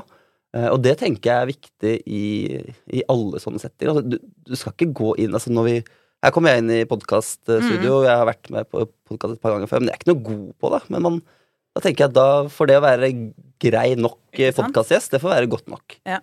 Eh, Jeg syns forresten du er veldig god. Ja. Du må ikke være så streng med deg selv. Nei, ikke sant? uh, og så, sånn er det jo med med studentene våre og med alle. Altså, man, man har jo lyst Når vi spør hva er din forventninger til semesteret, Mm. eller, eller til dette emnet, så svarer de fleste de vil ha B eller A. Mm. Uh, selv om C i vanskelige emner er en kjempegod karakter. Mm. Og i Altså, jeg sitter jo med emneansvar for bacheloroppgavene i psykologi, og jeg ser at folk sliter så vanvittig med å komme i gang. Mm. Fordi altså, man, man har jo en veileder som man skal drive og maile fram og tilbake med, og sende utkast. Uh, og så tør ikke folk å sende fra seg ting som er uferdig. Som ikke er perfekt. Nei, ikke sant? Og så Mm. sitter man da i, i emnet vårt, så har man jo tilgang på masse eksempeloppgaver som er oppgaver som har fått gode karakterer.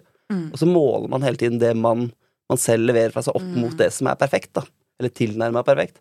Ja. Og uansett Altså, vi, vi pusher studentene veldig på det. Altså, bare få det vekk. Sett et par setninger på arket, få det vekk. For den verste fienden i en sånn prosess, det er det store, tomme, hvite dokumentet, ikke sant? Ja. Mens med en gang du har noe, så har du i hvert fall noe å jobbe videre på.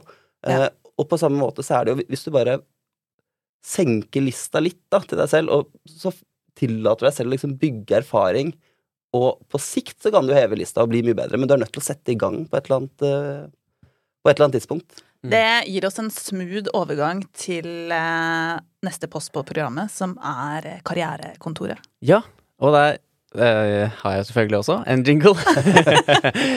og da jeg skal bare finne hvilken knapp det er, så ikke jeg går på en, jeg går ikke på en smell. Men eh, ja, er vi klare for det? Yes. Veldig klar. Der kommer den. Karrierekontoret! Bang, bang! Hvem der? Karriere, karrierevem, karrierekontoret. seg på karrierekontoret. Yes, du har jo lyst til å inn på det kontoret der, har du ikke det? Om man har. Jeg ser for meg sånn pinjata Ja. Komme inn på karrierekontoret, og så slå den pinjataen her, og så kan du plukke opp karrierer etterpå. Var det fredag allerede? Det ble så veldig god stemning her nå. Ja, men det er bra. Du, du sørger for at det føles som en lavterskel å stille spørsmål på karrierekontoret, og det skal det jo være. Absolutt. Eh, Og hvor kan man stille spørsmål, egentlig? Bare så for har vi Ja, altså eh, Man kan sende sine spørsmål til karriere at eh, oslonh.no. Mm. Og så kan vi ta det opp i denne podkasten. Og så er det jo sånn at jeg jobber jo som karriereveileder på ONH, så der har vi jo et karrierekontor. Eh, og der kan jo våre studenter komme når de måtte ønske, for å stille de spørsmål eller diskutere de problemstillinger de måtte ha. Ja. Eh, men på karrierekontoret her nå i dag, så eh, er det dette her med motivasjon eh, som har dukket opp som et spørsmål. Fordi Ja. Eh, og det, dette her har jeg merka økende tendens til, og det er veldig relatert til det du sa i stad, Erik. At eh, dette her med å sammenligne seg med andre og sette lista veldig høyt på hva man skal eh, prestere og få til eh, raskt. Mm. Eh, at flere sammenligner seg med andre på sosiale medier, og at det man driver med i dag, da, om det er liksom det første emnet mm. på en bachelorgrad, eller eh, man nærmer seg eh, andreåret. Det føles så sykt meningsløst og så lite verdifullt sammenligna med hva alle andre får til og portretterer i sosiale medier. Mm. Eh, og at det dreper motivasjonen til å jobbe Mm. eh, med Mm. det man på en måte har valgt å egentlig gjøre, da. Eh, og det er jo dritkjipt, da. Det er godt det er bare studentene som har det sånn. Vi kjenner oss ikke igjen i det. Gjør vi det? Nei, aldri hørt om den problemstillingen der. Nei, eh, jeg hadde jo en post på LinkedIn her eh, om dagen nettopp eh, i den ja, eh, i den gata der. Fordi jeg hadde en helt ræva dag på jobb, for å være helt ærlig. Pff, Jeg syntes alle oppgavene jeg hadde, var så kjedelige, og Mm. motivasjonen min var så dårlig. Og så skulle jeg gå inn på LinkedIn da, for å se om jeg kunne få litt inspirasjon og litt motivasjon. Men det var jo bare det motsatte som skjedde, for alle andre hadde det så kult på jobb, og alle postene handla om Ja, hvor fet jobb man har, og, og hvor stolt man er å jobbe med det ene og det andre. Og, Mm. liksom. Det var bare sånn Åh, alt var så bra, alle var så flinke. Og så satt jeg der og bare klarte ikke å gjøre én oppgave. Mm. ja. Eh, og det var døden. Jeg bare mista helt motivasjonen. Ja. Så tenkte jeg ok, min jobb oppleves helt meningsløs akkurat nå. Hvis du ser på min LinkedIn-profil, så ser du altså, en typisk arbeidsdag for meg. Siste jobb, eh, eller posten jeg har på LinkedIn, er eh, fra en sånn vanlig dag på jobb her på Oslo høgskole, hvor vi dro opp til Rena, hoppa fem fallskjerm opp, snakka litt fag rundt det, ikke sant. Det, det er jo Og det er, det er jo sånn vi har lyst til å fremstille det, ikke sant. Ja, Altså, det er sant. Når man har det Når man gjør et eller annet kult, så har man jo lyst til å vise, vise det fram, og så er det jo Det er jo Mm. ingen som er interessert i å se Eller jeg tenker i hvert fall at det er jo ingen som er interessert i å se på meg sitte og lage powerpoints eller å øh, jobbe med statistikk på kontoret, ikke sant? Eh, Så det er jo, da, da blir det jo sånn at man, man viser kun den siden man vil at andre skal se, og det er jo akkurat samme på Instagram eller på Ja, man Mm. får på en måte ikke fram den innsatsen som ligger bak for de målene man når, eller på en måte det gøye man får gjort. Ja. Og det, ja. Ja, det, jeg skal bare si Jeg har en sånn i tillegg til det. Eh, for eksempel hvis man tuner inn, som jeg ofte gjør, på fredager på Spotify, så er det New Music Friday. Uh, og det har jeg lenge hatt. nå er jeg spent på hvor vi går hen. Ja, ja. Og det er på en måte jeg har, bare, jeg har bare tenkt over det så mye, fordi når jeg da for eh, ja, si halvt et år siden var litt sånn down, så kunne ikke jeg høre på Jeg kunne ikke skru på uh, P3 på radioen, fordi det kommer bare triste sanger, og sanger som handler om eh, ja, angst, depresjon, Ja. eh, kjipe ting. Ja. Mm. Og det er bare sånn Jeg, or jeg orka ikke å høre på det. Bra musikk, men eh, for å bare kaste ut eh, Ramón, da, for eksempel Mm. dritflink artist, men sangene er jo så triste. Og treffer jo så bra. Og det er sånn, da kan ikke jeg høre på det. Jeg må høre på Earth, Wind and Fire og Do You Remember? Jeg, må liksom, jeg måtte sette på sanger. Jeg kunne ikke høre på radio. Og jeg føler jo, eh, min teori der, da, Ja. er at når det også er en greie, så Mm. man får da presset fra sosiale medier, Mm. og man får da influensere, artister, Mm. som lager sanger som bare treffer deg, og bare sånn Ja, det er jo meg. Mm. Jeg har også de følelsene. Mm. Eh, så føler jeg at da går det jo på en måte bare den veien. Men det du gjorde, var jo at du, du dropp, droppa og hørte på uh, P3. På PT. Uh, og tok grep. Ja. Men kan det være på en måte et alternativ da, å bare drite i sosiale medier? Men det, det går jo ikke det. Nei, for det, det er jo i 2022 nå føler jeg det er umulig. I hvert fall hvis man er student, og for å, det er der man får med seg ting nå. Altså nå er det jo på en måte arrangementet på Facebook er kanskje det som er igjen i Kall det den generasjonen. Mm. De er jo ikke på Facebook, de Mm. bare, bare invitert til bursdag, kanskje. Det er det som skjer på Facebook. Mm.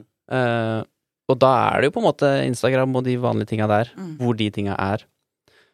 Uh, så jeg føler litt at det er vanskelig å, å liksom ha det som et råd òg.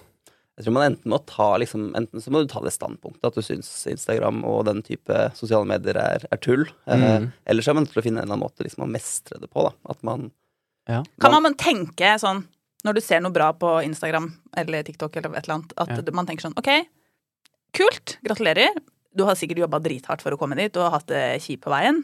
Der er jeg nå, liksom. Så Mm. etter hvert Mm. så kanskje jeg får det til. Ja. Ja, og så er det jo Man kan jo Jeg syns det er veldig sunt å bare gå tilbake og se på hva, hvilke, hvilke bilder og hvilke videoer er jeg har lagt ut. Mm. Eh, det er jo ikke en Det ser jo ut som jeg er sånn kvalmende sunn norsk ungdom som bare går topptur og hopper fallskjerm og gjør morsomme ting. I hvert fall ikke en som forsover seg til jobb. Nei, ikke sant? Eh, Åh, burn! Burn! Men, men eh, det er jo sånn som eh, den derre TikTok-trenden som var nå, hvor man skulle liksom åpne opp, eller se, sjekke da om man hadde kommet inn på studiet man Mm, hadde mm. på førsteplass eller ikke, ikke sant. Eh, og så blir man sånn kjempeglad, begynner å grine og sånn. Ja. Det er jo bare de som kom inn på førsteplass. som- Tror du det var første gang de åpna det brevet også? På, ikke? Ja, det, ikke sant? Men i Mm. hvert fall hvis de har åpna det opp, og det ikke de kom inn, så deler de det i hvert fall ikke Nei. på TikTok. Ehm, så da får man jo bare de som nailer det, Mm. inn i monitor. Ja. Og det- er jo på mange måter et, eh, et slags sos sosialt psykologisk eksperiment som vi ikke vet helt utfallet av, som vi, vi holder på med nå. Mm. Um, og vi hadde Jeg har en professor som het Joar Wittersø, som er veldig, en av de fremste i verden på liksom lykkeforskning. Mm. Uh, han var veldig, veldig spent på liksom, hva gjør altså, det at vi har ting så tilgjengelig at vi, altså, vi, vi får stimuli hele tiden. Vi får én type stimuli. Mm. Eh, som det, det han snakka mye om, var at kanskje vi mister evnen til å liksom interessere oss for ting over tid. At vi liksom mister den der konsentrasjonsevnen. Ja. Men, men så er det jo også et eller annet med Hvis du kun ser at andre er lykkelige og mm. har det bra hele tiden, eh, og, og du da begynner liksom å speile det opp mot hvordan du selv føler eller hvordan du selv har det, og når er det egentlig man sitter og blar gjennom disse 500 TikTok-videoene? Det er jo Mhm. ofte Mm. når du ligger i senga Ja. alene på kvelden Ja. Eh, eller på bussen for deg selv. Ikke sant? Det er jo aldri når du, det er veldig sjelden man sitter en gjeng og har det gøy sammen og ser på andre som har det gøy. Mm. Så det, det er jo kanskje litt med den, den settingen som gjør, gjør deg litt ekstra sårbar, da. Ja, og Det her er er bare det- gjetting fra min Ja, side. men jeg tenker, jeg tror du har et poeng her, fordi at det handler om at eh, ok, du kan ha det egentlig helt ok, Mm. men sammenligna med det du ble eksponert for, Ja. så fremst Så på en måte eh, får du en forestilling eller en idé om at det, det som egentlig er helt ok, det er egentlig ræva. Fordi Mm. hvis du sammenligner det med det andre, så får jo ikke jeg til noen ting. Og så setter du på en måte liksom et sånn premiss med at man skal ha det bra hele tiden. Og Ja. man, man, skal, man skal jo ikke ha det bra hele tiden. Nei. Mm. Det, altså, det er jo noe av det viktigste altså, Hvis du hadde hatt det bra hele tiden, så hadde du ikke hatt det bra. Mm. Eh, vi har liksom en sånn baseline, da, du kan tenke deg, som er ganske sånn et, et stemningsleie hvor man er mesteparten av tiden. Mm. Uh, og det er jo kjempesunt at vi liksom ikke er der oppe, for da hadde du ikke klart å merke liksom svingningene. Det, det er en grunn til at vi eh, Altså, det å være trist og det å være glad, det har en, en psykologisk funksjon. Mm. Altså, det å være trist, det senker en del funksjoner i kroppen som gir deg tid til å liksom prosessere eh, Kanskje si at du opplever sorg, da. Mm. Så senkes metabolismen. Altså alt går treigere, og det er for at du skal få tid til Ja. å bearbeide eh, den sorgen du er i. Mm. Eh, på samme måte så er liksom glede er jo Da sprøyter jo hjernen inn dopamin, eh, endorfiner, eh, som gjør at noe oppleves veldig bra. Mm. Og det gjør jo igjen at du har lyst til å gjøre mer av den type aktiviteten. ikke sant? Ja. Altså det, det, er, det er masse funksjoner i disse emosjonene våre. Ja, ikke sant? Mm. Og det å liksom streve etter å være bare glad hele tiden, det, det har egentlig ikke noe for seg. Da blir du bare flat til slutt. Ja. Men der fikk jeg For det, det, nå bruker jeg meg selv som eksempel, Ja. men det er kanskje det, Del. det beste. Del, Thomas. er jo bare når jeg da, sånn som eh, Hvis det kom en sånn sang på radioen, og jeg satt der aleine, så tenkte jeg nå skal jeg bare la det skje. Så jeg skrur opp volumet, og så bare sitter jeg der og bare sånn øh, Ja, griner, da. Rett og slett. Nå sa jeg Jeg sa det. Jeg griner, jeg også, Mhm. tenkte jeg. Mhm. Eh, og, og blir en sånn og så, Men da etterpå, da, så var det sånn Ok, da var jeg ferdig med det. Og så fortsetter jeg litt. Må jo være lov til å grine litt, da. Ja, det var, det, men for min del funka det jo. Mm. Da bare gjorde jeg det, og bare sånn Ok, nå kjenner jeg, nå sitter jeg med den følelsen. Smelle opp den musikken, og så bare omfavner jeg det et par eh, minutter her nå, Ja, og så ferdig. ja, og det tror jeg er et veldig godt poeng, fordi at eh, det ufarliggjør det å være litt trist. Mm. Eh, og jeg tenker også det der med å kaste seg ut i ting eh, når du er ny student, eller på en måte, ok, nå er det post korona, nå må vi på en måte begynne å være sammen igjen. Ja. Ok, det er ikke farlig å grue seg. Bare kjenn litt på det, det ikke sant? og så går det over. Ja. Um, det kan hende at ikke det er veldig kult med en gang, men at det liksom tar litt tid da, Mm. før ting føles greit, og man ikke lenger er stressa og på en måte rødmer i møte med alle andre. Ja. Uh, og det der med å uh, Ref. karrierekontoret og det at man sammenligner seg med andre eh, hele tiden, eh, og at det dreper motivasjonen. Hva er rådet vi kan gi der, eh, sånn hvis vi skal oppsummere det vi snakka om nå? Uh, Ikke sammenligne, det går jo ikke. nei Nei, vi, vi sammenligner oss alltid. Uh, det er noe vi ikke klarer å gjøre så mye med. Mm. Men det går an å bli prøve å bevisstgjøre seg selv uh, rundt liksom Ok, det jeg ser, er det nødvendigvis virkeligheten? Mm. Uh, og så er det noe med det der å senke terskelen litt for seg selv. Da. Altså hva er det du Mm. hva er det du skal ha ut av Altså hva er det du får ut av å være med, kontra det å sitte, sitte hjemme? Uh, Mm. hva er det du altså Det er ikke sikkert du trenger å være med på altså, I studiestart da, Mm. så er det ofte at man har introduksjonsforelesninger, velkommen til nytt semester, og så er det et eller annet sosialt etterpå. Mm. Eh, Det kan godt hende at du Det holder å si at til deg selv at jeg skal bare møte opp, se litt hvem som er i klassen, og så skal jeg dra etterpå hvis det ikke er noe hyggelig. Mm. Eh, Du trenger ikke å vinne både forelesning og festen. Eh, Ikke sant? Så egentlig gi det en sjanse, men ha på en måte en escape-plan, på en måte, eller du har tenkt gjennom en escape-plan, Mm. sånn at du, du vet at hvis det her ikke var noe, så kan du på en måte Da har du, vet du hvordan du skal dra, da. Og at det er helt innafor å ikke være motivert hele tida. Og det å Ja. på en måte kjenne på gode følelser og dårlige følelser, det er viktig, sunt og helt vanlig. Mm. Eh, og at eh, vi kanskje må øve oss litt grann mer på å ha litt det der langsiktige perspektivet, litt mer sånn tålmodighet med oss sjøl, og være Mm. litt rausere med oss sjøl. Ja. At det tar faktisk litt tid å lære seg de tingene man skal lære seg Mm. eh, før man skal ta eksamen. Mm. Eh, og at det tar det semesteret. Det er ikke gjort i over eh, og det, motivasjonen vil svinge. Og Ja. selv om du er nede i en periode, så betyr ikke det at du har valgt feil, og at du er mye dårligere enn alle andre. Det betyr at eh, akkurat nå så må du bare øve litt, og Mm. stå i den situasjonen du er i. Og tenke at ifølge denne rapporten nå, som, eh, ja, som jeg akkurat nå glemte hva het, Shot. Ja. så er det da Da er du ikke aleine. Så Nei. mest sannsynlig så er det de rundt deg flere som har det samme, men de er bare ikke akkurat i den perioden akkurat da. Som også kan være en icebreaker, eh, for eksempel. Hvis man plutselig sitter og prater med noen, og så bare sånn Mm. Kommer man over på noe sånt tema, så plutselig bare Ja, jeg òg. Mm. Og det beste med å eh, snakke med og bli kjent med folk, er jo hvis dere får det momentet. Det er bare sånn Samme her, altså. Mm. Og så har dere den gående, og da er det, da er det en god start. For å avslutte på en sånn liten floskel, så mm. vi, vi har også forska på og sett mye forskning på maratonutøvere. Ja. Eh, Og det å løpe et maraton, det er ikke spesielt eh, behagelig. Og når vi spør folk to kilometer fra, før mål på om de kunne tenke seg å løpe et maraton til, så er det de færreste som sier at de ønsker å, å stille tilbake til, på start. eh, Men når- vi liksom følger disse deltakerne over tid, så ser vi at de fleste faktisk melder seg på på nytt. Eh, Og da kan man jo tenke at et, livet det er, det, er, det er ikke som et fallskjermhopp. eh. Det er mer som et maraton. ja. Ja. Hvor man må jobbe liksom mot de langsiktige målene. Og det er jo de som kjennes best å mestre. Altså det er jo de som er mest krevende. Eh, Og så må man sette seg små delmål mål underveis, sånn at du, du faktisk eh, overlever alt det, det vonde og tunge også. Altså, med det så tenker jeg at vi eh, har oppsummert eh, dagens tema på en eh, nydelig måte, Erik. Mm. Tusen takk for at du kom i studio.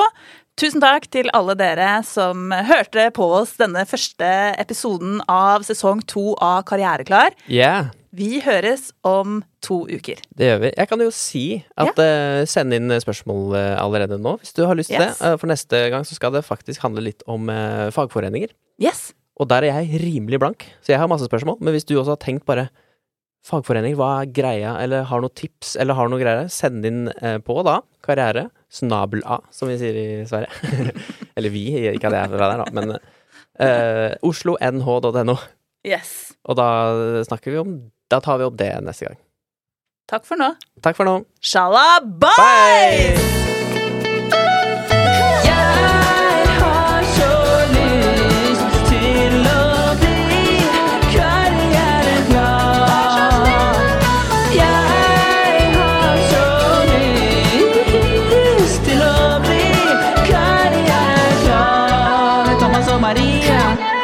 Thomas og Maria.